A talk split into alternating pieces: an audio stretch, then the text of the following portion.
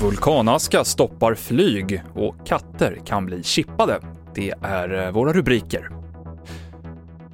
Vi börjar med att berätta att Norge har beslutat att erbjuda en tredje dos vaccin mot covid-19 till alla över 65 år. Syftet är att öka skyddet mot allvarlig sjukdom som avtar med tiden, enligt den norska folkhälsomyndigheten.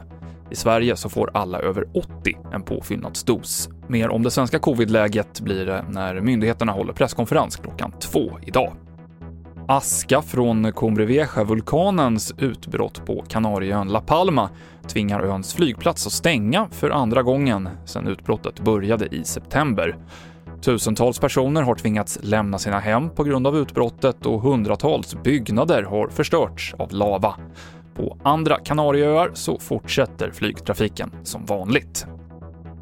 Katter bör ID-märkas och registreras precis som hundar. Det här anser regeringen som idag beslutar om en lagrådsremiss. Tanken är att höja katters status och stärka djurskyddet. Vi har ju tidigare infört, bland annat i en lagförändring 2019, infört skydd också för eh, tama husdjur, inklusive katter. Nu går vi vidare, inte minst efter den här pandemin där fler har skaffat husdjur, går vi också vidare med, med både registrering och märkning av katter. Det tror jag kommer minska risken att vi får lidande. Det sa näringsminister Ibrahim Baylan. På måndag så börjar Arbetsmiljöverket granska hur arbetsplatser förebygger stillasittande bland sina anställda. Förutom bestående belastningsskador så kan stillasittande arbete på längre sikt leda till hjärt och kärlsjukdom eller typ 2-diabetes.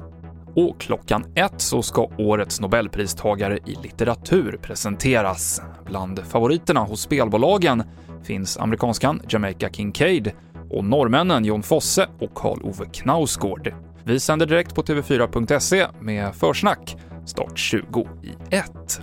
Fler nyheter hittar du i appen TV4 Nyheterna. Jag heter Mikael Klintevall.